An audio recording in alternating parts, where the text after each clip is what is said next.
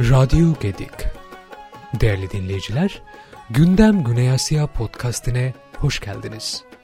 Her ayın ikinci ve dördüncü cuma günleri saat 14.00'da bu podcastle sizlerle buluşuyorum.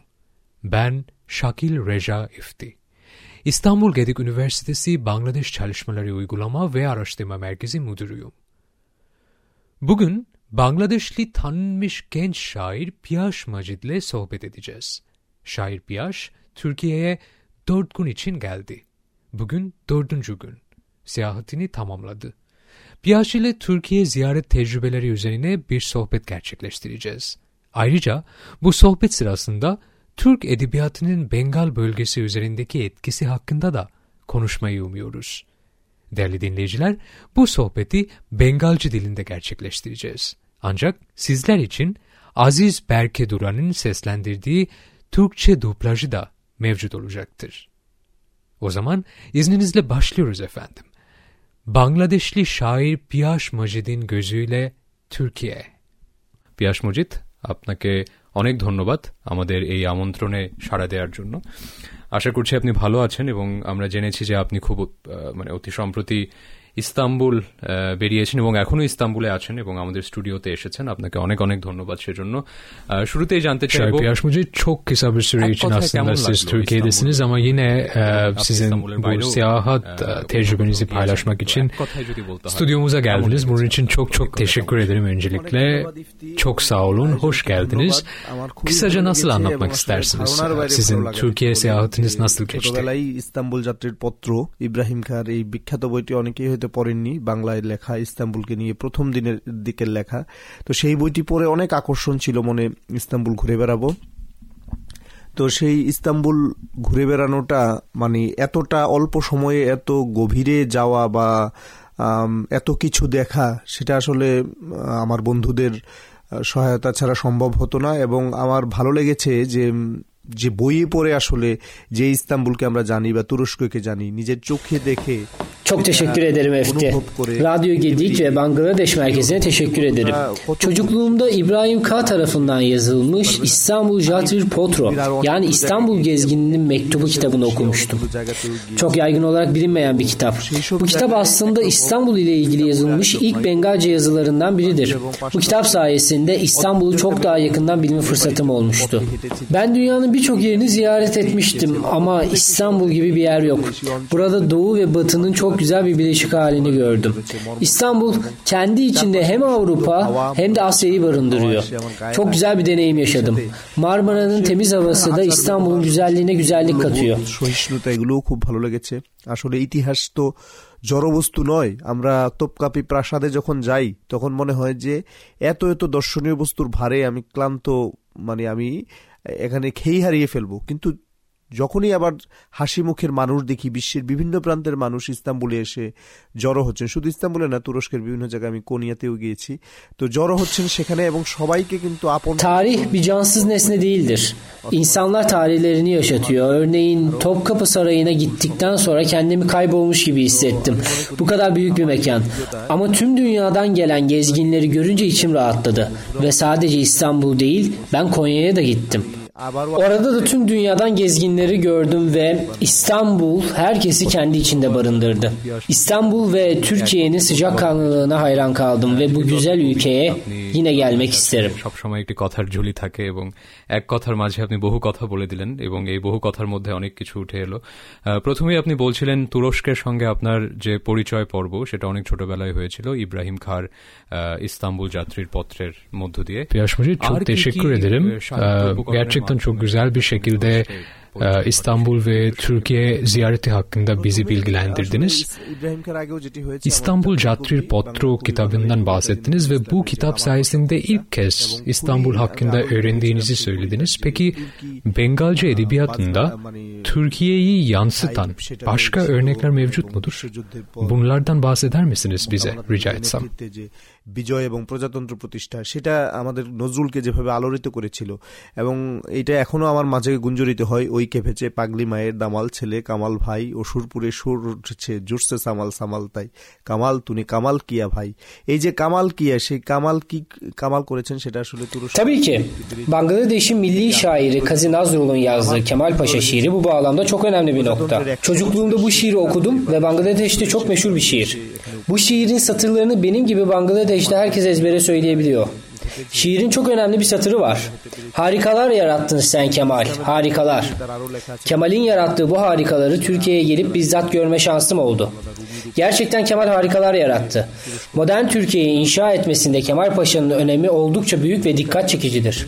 Ve ben bu bağlamda çok şanslıyım. Çünkü Türkiye Cumhuriyeti'nin 100. yıl dönümünde Türkiye'yi ziyaret etme şansım oldu. Bunun gibi birçok örnek var. Bengal Edebiyatı'nda Türkiye'yi yansıtan birçok seyahatname ve Türkiye'nin tarihini anlatan kitaplar bulunmaktadır. Nazrul'un Türkiye hakkında diğer yazıları da vardır.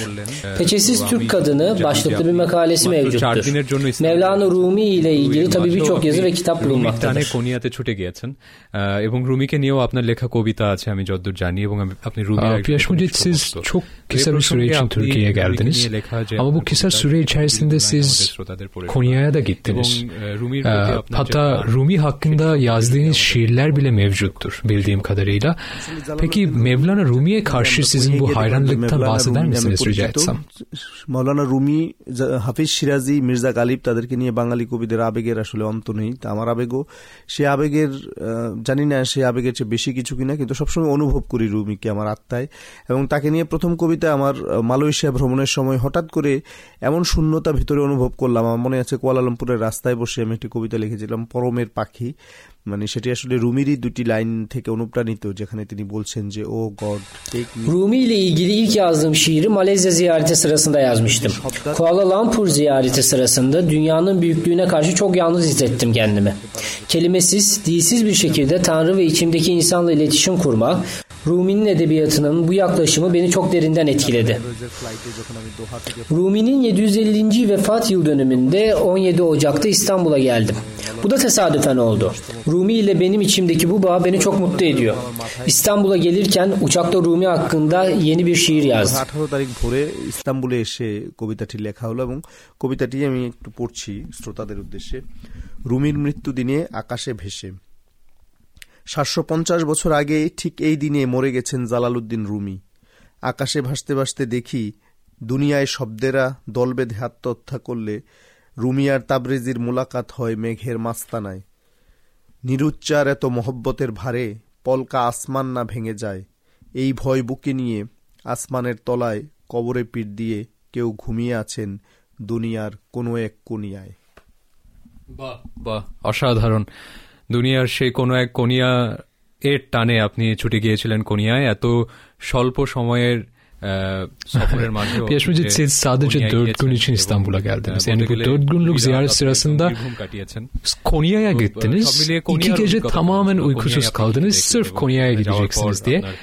Peki oradaki tecrübeleriniz nasıldı? কোনিয়ায় যাওয়া আসলে সম্ভব ছিল না। আমার তরুণ বন্ধু কবি শাহরিয়ার রেজা ইস্তির সঙ্গ না পেলে তো তাকে সঙ্গী করে আমি যখন কোনিয়ায় গেলাম এবং আমাদের ধারণা ছিল না আসলে এত দীর্ঘ পথ যে পথ দেখাচ্ছিল তারও চেয়ে বেশি দীর্ঘ সড়ক পথের যাত্রা এবং সারা রাত এক প্রকার ঘুমে নির্ঘুমে কাটিয়ে যখন ভোরে কোনিয়ায় পৌঁছলাম তখন আমার মনে হলো যে এই মরমী তীর্থই তো আমার অপেক্ষায় ছিল। যে ডাক ছিল আর কি ভেতর থেকে এবং সেই কোনিয়ার শহরের প্রতিটি প্রান্তে সকালবেলা অনেক সকালে যখন আমরা গিয়ে পৌঁছলাম, শুনশান সেই শহর, মনে হলো যে চারপাশে এখানে হঠাৎ হয়তো তাবরিজিকে দেখা পাবো, হঠাৎ রুমির দেখা পাবো।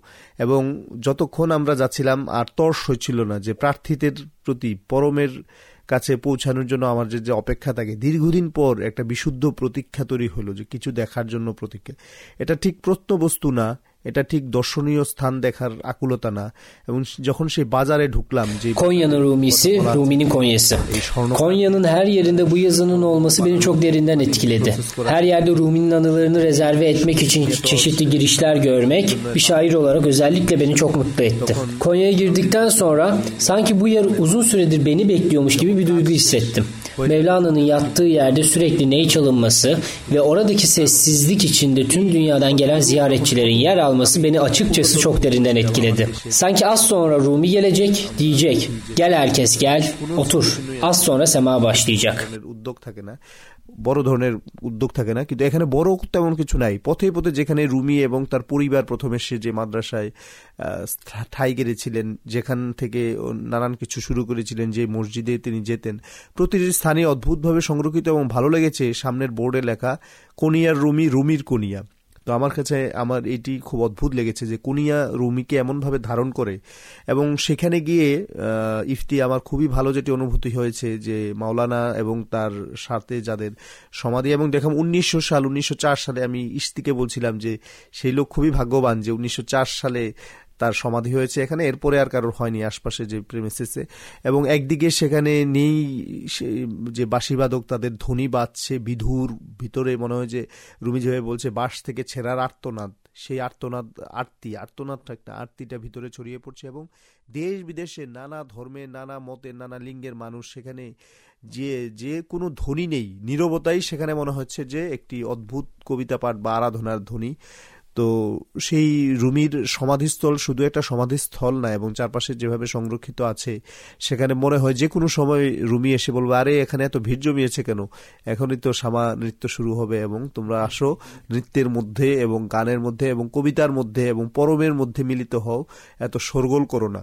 তো এই যে অনুভূতিটা, এবং ফেরার পথে আমাদের বাস তিন ঘণ্টা দেরি করেছে, কিন্তু আমরা মনে করলাম যে আসলে এই দেরি আসলে দেরি নয়। রুমির প্রতি আরও তিন ঘণ্টা হয়তো কোনিয়ায় থেকে যাওয়ার একটা অপার্থিব আহ্বান, একটা আকুল অনুরোধ। তো সেই ঐন্দ্রজালিক অনুভূতি নিয়ে যে ফিরে এলাম, সেটি অনেকদিন আমি বুকের ভিতরে বহন করব। মৌলানা রুমির সেই তীর্থে যাওয়ার অভিজ্ঞতা কখনোই মলিন হওয়ার নয়। বা আপনি, আপনার অভিজ্ঞতাগুলো যেন কবিতা। অনেক ধন্যবাদ কবি। E pojeye Cante Şair Piyaş Mucit çok teşekkür ederim.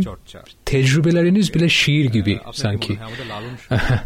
Bangladeş'te peki Mevlana Rumi'nin edebiyatının etkisi nasıl? Bundan bahseder misiniz bize? একটা প্রভাব এবং রুমির প্রতি সবার যে একটা টান যেই টান আপনি অনুভব করেন সেটি সম্পর্কে যদি আমাদের সংক্ষেপে একটু বলেন রুমি চর্চার নানান ধরনের মাত্রা আছে। এক হচ্ছে যে রুমির মসনবী এবং অন্যান্য জিনিসের যে অনুবাদ, সেটা একটা বিষয়। সেই ক্ষেত্রে অনেক কাজ হয়েছে, সেটার এখন পূর্ণ তথ্য আমার কাছে এখন নাই, কারণ এত বিশাল হয়েছে এবং বিভিন্ন দিক থেকে হয়েছে। সবগুলো যে মানে মূলানুবাদ তাও নাই অনেক ভাবানুবাদ অনেক আমার মনে হয় যে অনেক জায়গায় মূলের প্রতি খুব একটা বিশ্বস্ত থাকা হয়নি কিন্তু মানুষ ভালোবেসে করেছে এটা ঠিক যারাই করেছে নানানভাবে এবং ছোটবেলা থেকে আমরা মসনবীর গল্প নানান শুনতাম সেগুলোও কিন্তু অনেকে মনের মাধুরী মিশিয়ে অনেক সংক্ষিপ্তও করেছেন Ee, bu konuyu çok çeşitli boyutlardan ele almak mümkün. Mesnevi başta olmak üzere Rumi'yi severek Bangladeş'te birçok çeviri yapıldı. Çeşitli saygın yazarlar ve çevirmenler her zaman Rumi'ye ilgi göstermiş ve eserlerini çevirmişlerdir. Özellikle Mustafa Jaman Abbas'ın yazdığı Rumi Oloikik Bagan, Rumi'nin Mucizevi Bahçesi adlı bir kitap var. Bu kitap Bengalci dilinde Rumi ile ilgili önemli bir çalışmadır. Kitabın adı da çok dikkat çekici ve güzel. Ayrıca şu an hatırladığım bir başka çalışma Hindistan'ın batı Bengal eyaletinde Rabin Shankar'ın yazdığı Ayna Jibon. Rumi ile ilgili bu tür bir romanın Bengalci dilinde bulunması benim için şaşırtıcı ve en iyisi olabilir. Elif Şafak'ın Aşkın 40 Kuralı kitabının çevirisi dünya genelinde olduğu gibi Bangladeş'te de oldukça yaygındır ve okunmaktadır. Rumi ile ilgili yazılar ve araştırmalar iki ana kategoriye ayrılabilir. Manevi ve edebi. Bence her ikisi de Rumi hakkında önemlidir. Şimdi aklıma gelen bir başka örnek 1960'larda Bengal yazar Abdülmenan Seyit'tir. Kendisi Rumi'nin 10 şiirini Bengalce'ye çevirmişti. Kitabın adı Neşe Dolu Bir Yolculuk. কাব্যিক মূল্যকে চেয়ে তাদের কাছে আধ্যাত্মিক গুরুত্বটা বেশি, সেটাকেও আমি উপেক্ষা করছি না। দ্বিতীয়টা হচ্ছে কাব্যিক মূল্য। যারা কবিতা হিসেবেই দেখছেন, আমার মনে পড়ছে ষাটের দশকের কবি আব্দুল মান্নান সৈয়দ। দশটি কবিতা অনুবাদ করেছিলেন রুমির অসাধারণ এবং এটি সেটির একটি ভূমিকা লিখেছিলেন এই নামে জালালউদ্দিন রুমির কবিতা, প্রপূর্ণ আনন্দের পরিপূর্ণ সুরাহি। তো একটা সুরাহির মধ্যে যেভাবে আনন্দের বিন্দুগুলো সঞ্চারিত করেন রুমি ছোট ছোট তার কবিতা দশটি অনুবাদ করেছিলেন রুমির কবিতা অনুবাদ করেছেন বোরহানুদ্দিন খান Jahangir Burhanettin Kan Jahangir, Südip Boşhu, İmrul Hasan, Fatima Zahan gibi çeşitli Bengal yazarlarının Rumi ile ilgili çalışmaları oldukça güzel ve anlamlıdır. Ayrıca Bangladeş'in önde gelen üniversitelerinden Dhaka Üniversitesi'nin Farsça bölümü de Rumi'nin edebiyatı üzerine araştırmalar yapmaktadır.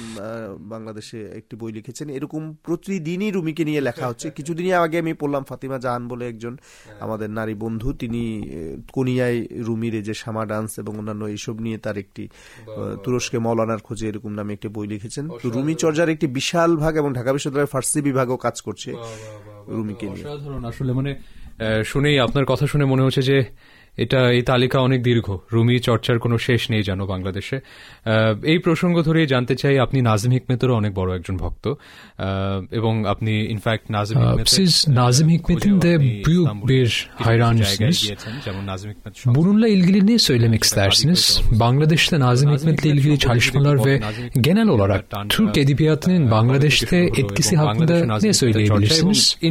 বাংলাদেশে তুর্কি সাহিত্যের চর্চার দশা সম্পর্কে যদি একটু আমাদের বলেন। নাজিম হিকমত তো আমি নাজিম হিকমত কালচারাল সেন্টারে গিয়ে যে কথাটি বলেছি, সেখানকার একজন কর্মীকে, যে বাংলাদেশের এমন কোনো কবি নেই যারা জেলখানার চিঠি কবিতাটি পড়ে কবিতা লেখা শুরু করেনি। যেরকম নজরুল সুকান্তের কবিতা আমরা পড়ি নাজিম হেকমত সেভাবেই কিন্তু পঠিত। এবং বামপন্থী বলয় থেকে শুরু করে সব প্রগতিশীল চর্চার মধ্যেই কিন্তু নাজিম হেকমত একটি অপরিহার্য অনুষঙ্গ। এবং শুধু জেলখানা চিঠি তো নয় নাজিম হেকমতের আরও অনেক কবিতা সুভাষ মুখোপাধ্যায় প্রচুর অনুবাদ করেছেন আমাদের দেশের আরও অনেক কবি বাংলাদেশের কবিরা নাজমিক পেটি ইজলার উকুম মিশাইরান গিবি ইয়াজার ওয়া শায়ির বুলনামাস হার তুল ইয়াজার Subhash Mukhopadhyay বাশতো অলমাক çeşitli yazıları Bengalce'ye çevrilmiştir. Eskiden Nazım Hikmet bir propaganda yazarı olarak değerlendiriliyordu. Ancak şimdi onun edebiyatının ne kadar dinamik olduğu açıkça ortaya çıkmıştır. Sanat, edebiyat ve siyaseti nasıl harmanlar ve birleştirir? Bunu Nazım Hikmet'in yazılarında görebiliriz. Sadece Bangladeş'te değil, tüm dünyada Nazım Hikmet okunuyor ve saygıyla biliniyor. Türkiye'de hem Rumi hem de Nazım Hikmet her ikisinin de önemi toplum tarafından sevilmesidir. Bu bence Türkiye'nin güzel bir yanıdır. Mevlana Rumi Türklerin manevi tarafına ışık tutarken Nazım Hikmet Türklerin eşitlik ve zorbalığa karşı duruşuna ışık tutar. Türkiye'nin bu çeşitliliği aynı zamanda Türkiye'nin güzelliğidir. ভুবন, সেটিও কিন্তু উঠে এসেছে। সেই ঘ্রাণটি না থাকলে শুধুমাত্র আসলে স্লোগানবাদিতা দিয়ে কোনো মহৎ সাহিত্য সম্ভব না। নাজিম হিকমতের কবিতা যে এত বছর পরেও এত পৃথিবীর প্রান্তে প্রান্তে পঠিত হচ্ছে। এবং অনেক জায়গায় আপনি জানেন যে সমাজতান্ত্রিক বিপ্লব বা রাষ্ট্র ব্যবস্থা ব্যর্থ হয়ে গেছে কিন্তু তাই বলে কিন্তু নাজিম হিকমত অপঠিত থাকে নাই। কারণ জেলখানার চিঠিতে যে স্বপ্নের কথা বলে হয়েছে, যে সবচেয়ে সুন্দর দিন আমরা দেখিনি এখনও, সে সবচেয়ে সুন্দর রাত আমরা দেখিনি, সবচেয়ে সুন্দর স্বপ্ন আমরা দেখিনি, সেই অপ্রার্থিত, সবচেয়ে সুন্দর কবিতা কবিতাটি আমরা লিখিনি। আমি সবসময় যখন কবিতা লিখতে যাই, নাজিম হিকমতের সেই কথাই মনে হয় যে, সেই কবিতাটির জন্যই হয়তো আমি এখনও লিখছি, যেটি কখনো লেখা হয়নি, এখনও লেখা হয়নি। তো এই সুদূরের প্রতি আকর্ষণ এবং নাজিম হিকমত কালচারাল সেন্টারে যখন আমার গেলাম, আমার খুবই ভালো লাগল যে, সেখানকার প্রতিটি কর্মী পর্যন্ত নাজিম হিকমতের নাম শুনে এত উদ্বিলিত এবং নাজিম হিকমতের স্পিরিটকে যে তারা ধারণ করেন এবং গোটা ইস্তাম্বুলে এবং তুরস্কে আমি দেখেছি দুটি ব্যাপার, রুমি একদিকে একদিকে নাজিম হিকমত এবং পুরো জাতির বৈচিত্র্যটা বোঝার জন্য কিন্তু ইফতি এটা খুবই গুরুত্বপূর্ণ যে আধ্যাত্মিক প্রাণনা দিচ্ছেন রুমি এবং একই সাথে আপনার বৈষম্য শোষণ ধর্মান্ধতা তারপরে সমস্ত ধরনের নিপীড়ন এগুলোর বিরুদ্ধে লড়াইয়ের প্রেরণা দিচ্ছেন শানিতভাবে নাজিম হিকমত এবং দুই প্রেরণা নিয়ে বোধহয় পাশে পাশে বসপরাস মর্মর বয়ে চলেছে এবং মানুষের ভিতরেও সেই প্রাণনার ঢেউ আসলে বয়ে চলে এখন আমরা একটু ফিরতে চাই আপনার দেখা তুর্কি জনজীবন প্রসঙ্গে কি দেখলেন Kesinlikle. Şimdi birazcık sizin gözünüzden Türklerin hayatını ve yaşamını öğrenmek isterim. Ne gördünüz? Guide বুকের মতো, এটি যেমন উপন্যাস, এটি যেমন একটি শহরের স্মৃতিকতা এবং এ ধরনের একটি বই জেমস জয়েসের ডাবলিনের পরে আমরা কায়রোকে যেভাবে দেখি, নগিব মাহফুজের মধ্যে, ঢাকাকে যেমন দেখি আমাদের শামসুর রহমান, সৈয়দ শামসুল হক তাদের মধ্য দিয়ে উরহান পামুকের ইস্তাম্বুলের সূত্রে আমি মনে করি পৃথিবীর এমন কোনো প্রান্ত নয় যেখানকার মানুষ ইস্তাম্বুলকে নতুন করে জানেনি এবং আকর্ষণ অনুভব করেনি এবং এখানে তো একটা অদ্ভুত সালতানাতি ইতিহাস এবং নানান আছে। এর সাথে আমি যেভাবে পামুকের বইটি পড়তে গিয়ে প্রথম দেখেছি যে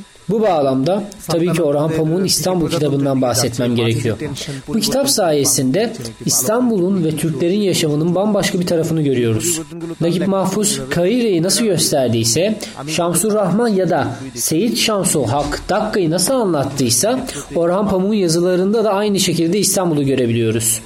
Bu kitapta Türkiye'nin Osmanlı döneminden modern cumhuriyete geçişini görmekteyiz. Orhan Pamuk'un çocukluğundan başlayıp ergenliği ve hayatının benzer aşamalarından çeşitli anılarının harmanlanması bu açıdan önemli noktalardır. Orhan Pamuk hayatın bu geçiş noktalarında İstanbul'u nasıl gördüyse ben de aynı şekilde geçen dört gündür İstanbul'un güzelliğinin çeşitli taraflarını bizzat kendi gözümle gördüm. Aynı sokağın bir köşesinde caz müziği çaldığını, diğer köşesinde de Türk halk müziği çaldığını gördüm. Ve herkesin eşit derecede eğlendiğini, benimsediğini gördüm. O kadar büyük bir şehir olmasına rağmen toplu taşıma sayesinde bir taraftan öbür tarafa çok kolay bir şekilde ulaşım sağlanabiliyor. Herkes kurallara ve hukuka son derece saygılı. Zamandan daha hızlı koşuyor buradaki insanlar. İstanbul'la ilgili çok sevdiğim bir nokta ise bu şehir güneş doğmadan önce uyanıyor ve gece geç saatine kadar aktif. Bu canlı şehrin ve zengin medeniyetin önemli bir özelliğidir bence. Türkçe dilinde Türkler çok saygılılar. Türkçe konuştukları vakit ben hiçbir şey anlamıyorum. Ama yine kalpten çok güzel bir şekilde ifade ettiklerini anlayabilirim. Ve bu his belli oluyor. Çok festivalci bir şehir İstanbul.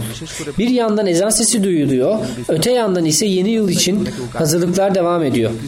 Taksim Meydanı ve İstiklal Caddesi'ndeki kiliselerde de çeşitli etkinlikler devam etmektedir.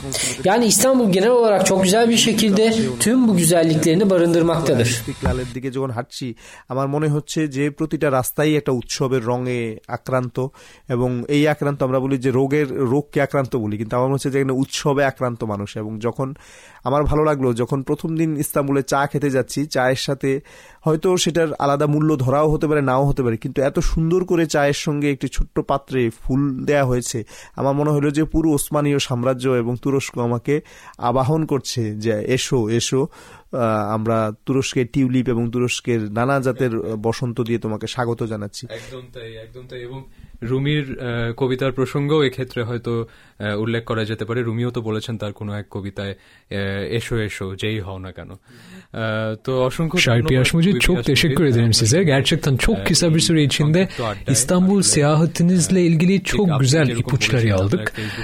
B গেঞ্জ Bangladesh কি Shairin গেজুইলে Turkiye গ্যাচেকতন ঠিক আচ্ছা, সেরকম picky বাসকা এক্লমিকি বহু কিছুর খোঁজ পেলাম অনেক কিছু জানতে পারলাম। আপনার চোখে আমরা ইস্তাম্বুলকে দেখলাম, একজন তরুণ বাংলাদেশি কবির চোখে ইস্তাম্বুল এবং তুরস্ক। আপনাকে অনেক ধন্যবাদ। আপনি কি কিছু যুক্ত করতে চান আমাদের আজকের আলোপচারিতায়? আমি নতুন কিছু আমার বলার নাই, আমি সেটি বলব যে প্রথমে যেটি বলেছি যে, এই ভ্রমণে যেটি মনে হলো যে, এটি প্রথম কিন্তু এটি শেষ নয় আমার ইস্তাম্বুল যাত্রা এবং আমার যারা বন্ধু, তাদের সবাইকেই বলব Bu benim ilk Türkiye seyahatimde ama bu son değil. Tüm arkadaşlarımı ve dünyanın tüm şairlerine şunu söylemek istiyorum. Lütfen Türkiye'ye gelin.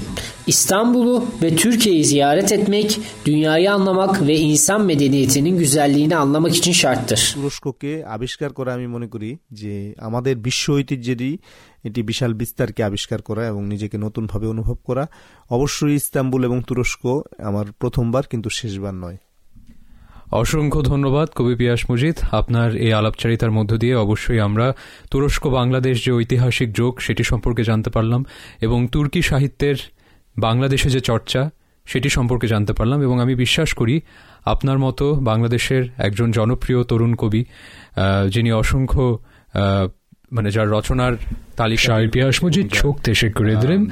Sizinle bu sohbet sayesinde biz Türkiye-Bangladeş tarihsel e, ilişkisinden başlayıp Türk edebiyatının Bengal bölgesi üzerindeki çeşitli boyutlu etkisi hakkında bilgi edinmiş olduk. Umarım Bangladeş'e dönüp siz de Türkiye hakkında yazılar yazacaksınız. Çok çok teşekkür ederiz tekrardan stüdyomuza geldiğiniz için. Değerli dinleyiciler, bizi dinlediğiniz için çok teşekkür ederiz. Gündem Güney Asya Podcast'ının tüm bölümlerine Radyo Gedik veya İstanbul Gedik Üniversitesi web sitesinde Bangladeş Araştırma Merkezi sayfası üzerinden ulaşabilirsiniz. Bir sonraki podcastimize yine buluşmak dileğiyle hoşçakalın efendim.